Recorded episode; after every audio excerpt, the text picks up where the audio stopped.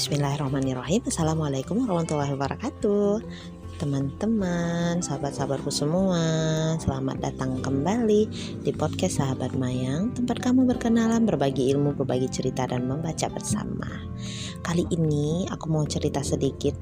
Aku lagi senang makan terong ya Terong ungu. Padahal sebelumnya aku nggak bisa makan makanan ini. Tapi setelah aku punya tanaman terong sendiri buahnya gede-gede dan uh, lebih fresh ya dibandingkan yang ada di pasar. Terus aku coba uh, masaknya dengan cara direbus aja atau dikukus. Wah hasilnya aku bisa menyukai buah buah sayuran ini gitu. Awalnya aku nggak suka terong ini karena enek terus dia lembek-lembek gimana gitu ya. Tapi ternyata lama kelamaan aku suka makan ini dan itu terasa enak di perut.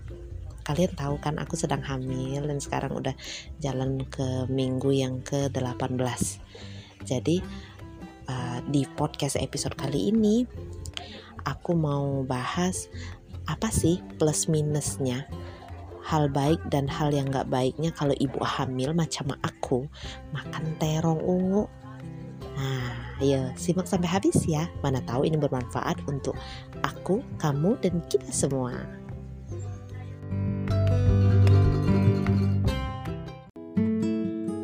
Seperti biasanya ya, aku kan mulai kepo kalau udah uh, apa berasa suka sama suatu makanan, apalagi ini kondisinya lagi hamil, aku pasti kaitin uh, kenapa sih aku bisa suka sama makanan itu sebenarnya ada nggak manfaatnya untuk janin atau bayi yang ada di dalam rahimku. Nah itu itu yang bikin aku kepo dan aku cari beberapa sumber. Salah satunya dari website Hello Sehat. Di sini ternyata uh, bahkan se salah seorang dari ahli gizi dan penulis buku terkenal yaitu yang uh, eh, 100 makanan sehat yang harus dikonsumsi di saat hamil ini merekomendasikan makan terong waktu hamil. Tapi lagi-lagi begini teman-teman ya prinsipnya ibu hamil itu nggak nggak ada pantangan karena memang hamil itu bukan kita mengidap penyakit jadi nggak ada pantangan makan. Selama itu sekedarnya aja tidak boleh berlebihan. Nah termasuk si terong ini si terong ungu ini atau terong terong apa aja kayak pokoknya terong ya. Ini punya gizi yang lumayan banyak ya ternyata. Salah satunya adalah asam folat. Si terong ini juga kaya dengan vitamin A, vitamin C, vitamin B kompleks, ada niacin, ada kalium, ada tembaga, mangan, zat besi, gitu ya. Jadi banyak uh, kandungan yang terkandung dalam sin, uh, di dalam terong ini termasuk juga kandungan yang disinyalir ini juga berbahaya untuk kehamilan seperti adanya fitohormon yang uh, lumayan tinggi dan tentunya pasti ada efek sampingnya jika makannya berlebih. Nah, ini yang akan kita bahas sedikit-sedikit ya di dalam pod episode podcast yang kali ini. Sebelum ke yang uh, merugikannya, kita bahas dulu manfaat dari terong ini untuk ibu yang sedang hamil ya. Oke. Untuk manfaatnya yang pertama Ternyata dengan mengkonsumsi terong, ini zat-zat yang ada dalam terong bisa berguna untuk menjaga bayi dari kondisi cacat lahir. Ini kan kaya dengan asam folat ya, jadi keseluruhan vitamin yang ada di dalam si terong ungu ini atau terong lah katakanlah umum ya, mau terong bulat kayak mau terong Jepang kayak pokoknya terong aja tuh Secara keseluruhan, semua vitamin dan mineralnya itu mendukung perkembangan sel darah merah sekaligus perkembangan bayi supaya menjadi lebih baik dan uh, fungsional badannya juga bagus gitu ya. Jadi bisa insya Allah terhindar dari resiko cacat tabung saraf seperti lahir dengan spina bifida. Begitu. Ya, jadi kalau untuk asam folat alami selain dari tahu, kacang-kacangan, jeruk. Ternyata terong ini juga bisa menjadi salah satu sumber dari asam folat yang alami. Manfaat yang kedua, manfaat yang kedua dengan mengkonsumsi si terong ini ternyata bisa membantu si ibu untuk uh, terhindar dari resiko terkena diabetes gestasional jadi ada gangguan gula darah yang secara khusus ya terjadi pada wanita hamil namanya diabetes gestasional. Jadi si ibu hamil ini perlu mengontrol kadar gula darah dalam tubuhnya untuk mencegah diabetes ini. Dengan menambahkan buah terong dalam menu harian dapat membantu tubuh si ibu mengatur lonjakan gula darah yang tidak terkontrol. Ya, makan terong dapat menjadi tindakan pencegahan sekaligus pengobatan untuk diabetes gestasional. Jangan cuma makan terong doang ya. Cuma kita juga harus ngebatasin asupan gula terutama dari minuman yang instan-instan, dari sirup-sirup gitu. Ya, harus kita batasin juga karena walaupun kita makan terong seabrek kalau kita nggak ngebatasin makan yang manis-manis nggak jadi juga ya jadi harus saling mendukung ini Oke, manfaat yang ketiga bisa mengatasi sembelit dan gangguan pencernaan lainnya. Di beberapa sumber yang aku baca, justru terong ini bisa menimbulkan gangguan pencernaan. Nah, ini gimana? Kan ambigu nih. Ada yang justru bisa mengatasi, ada yang justru menimbulkan. Nah, bisa menimbulkan uh, masalah di pencernaan nanti kita akan bahas di bagian akhir ya. Sekarang kita bahas dulu si terong ternyata bisa mengatasi sembelit dan gangguan pencernaan lainnya. Jadi begini, terong ini kan kaya dengan eh, zat-zat uh, gizi dan vitamin, termasuk juga serat ya. Satu buah terong itu bisa mengandung 4,9 gram serat makanan. Wow, tinggi juga ya. Jadi uh, ini bisa kalau kita makan seratnya banyak, otomatis gerak usus kita kan jadi lebih lancar ya. Jadi kalau ibu-ibu yang lagi hamil, apalagi hamilnya masih semester pertama, ini bisa terbantu banget dengan serat yang ada dari terong ini. Gitu. Jadi nggak mesti ngeden apa eh, pencernaannya bisa membuang kotoran itu lebih lancar. Tapi tetap diimbangin dengan minum air putih yang banyak ya, buah dan sayur yang lainnya, jangan terong melulu.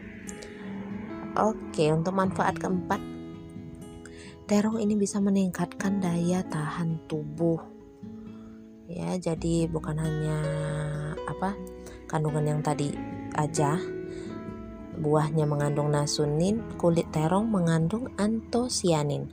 Antosianin ini dengan nasunin ini kan uh, sifatnya antioksidan ya, bisa membantu tubuh kita untuk menangkal radikal bebas dan mencegah risiko kerusakan sel atau DNA selama kehamilan. Juga si zat nasunin ini bisa mencegah bayi mengalami gangguan kognitif ketika dilahirkan. Dengan kata lain, terong adalah sayuran yang juga mencerdaskan si janin.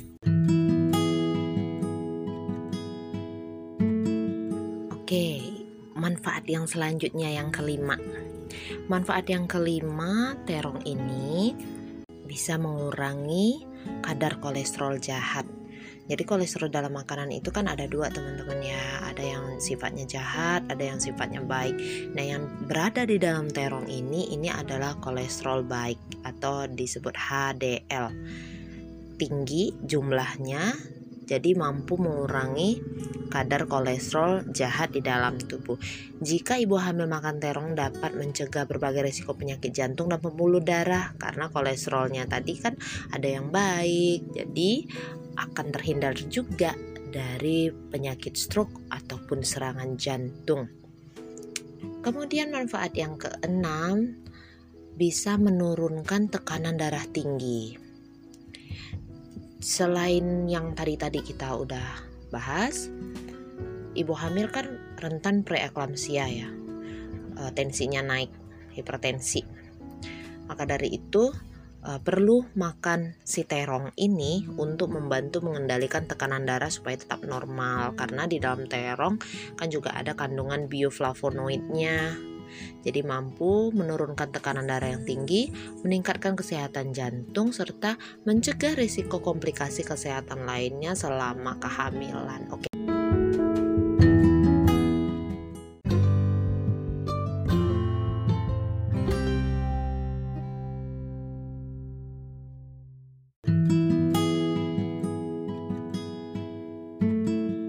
Nah, tadi kan juga udah aku bilang dari awal ya, ada plus minusnya kalau kita mengkonsumsi terong di saat hamil.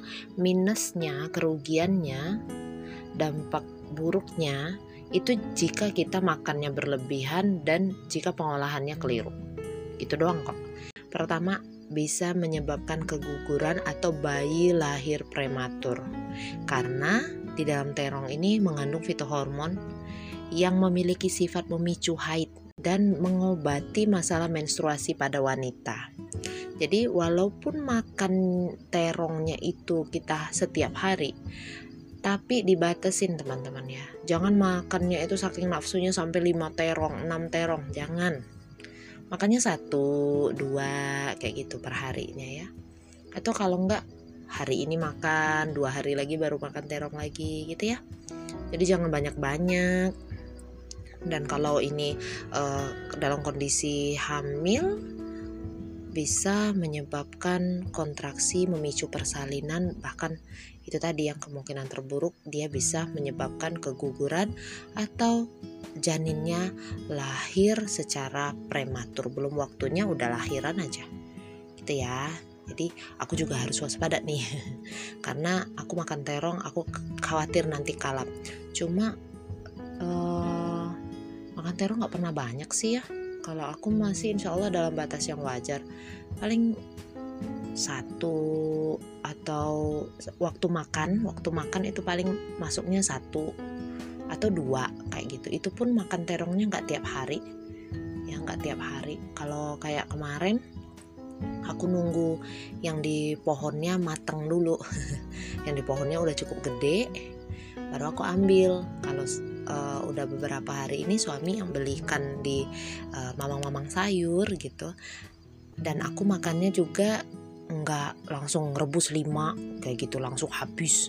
Sekali makan enggak jadi tiap kali makan ada satu atau dua kayak gitu. Pokoknya jangan berlebihan gitu aja.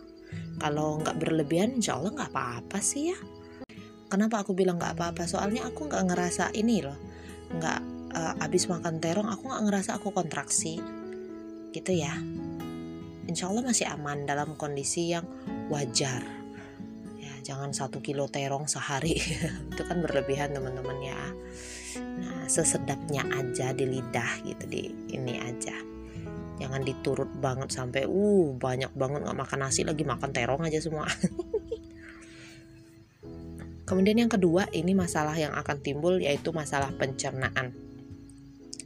Kalau dikonsumsi secara baik, justru bisa melancarkan pencernaan, e, mengurangi atau menjadi penawar untuk sembelit.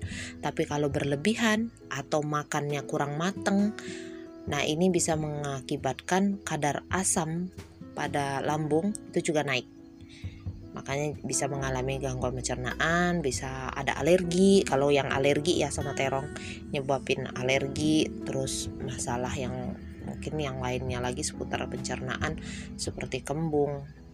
Seperti itu ya. Nah untuk tipsnya pertama kalau masih kepengen terong mana tahu justru ngidam sama terong gitu ya Pertama, makannya jangan berlebihan, masih dalam kondisi yang wajar aja, jangan jangan terlalu berlebihan gitu ya. Kemudian yang kedua, kalau bisa dimasak. Kalau misalkan doyannya terong ungu yang kecil yang katanya terong Jepang itu, itu kan untuk lalapan ya. Nah, itu dicucinya mesti bersih. Kalau perlu cucian yang terakhir itu pakai air anget gitu air ya air yang hangat. Nyucinya jangan pakai air mentah cuci pakai air yang udah mateng. Kemudian yang terakhirnya itu yang agak anget ya. Karena memang kalau kita lagi hamil kayaknya untuk lalap-lalapan dibilang dibatasin ya.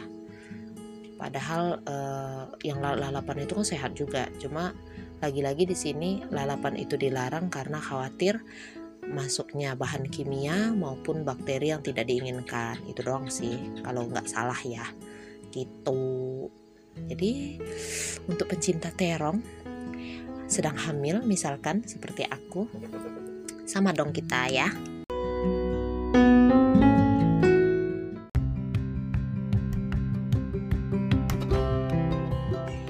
Jadi tetap jaga kesehatan teman-teman ya semuanya. Banyakin makan sayuran dan air hangat.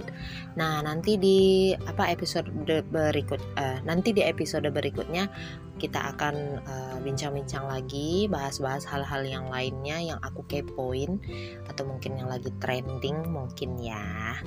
Aku gentayangan dulu nyariin informasi untuk kalian ntar kalau udah ada baru aku share. Terima kasih sudah mendengarkan podcast Sahabat Mayang episode kali ini. Semoga bermanfaat dan semoga uh, ini bisa menambah ilmu kita bersama. Jazakumullah khairan katsira. Wassalamualaikum warahmatullahi wabarakatuh.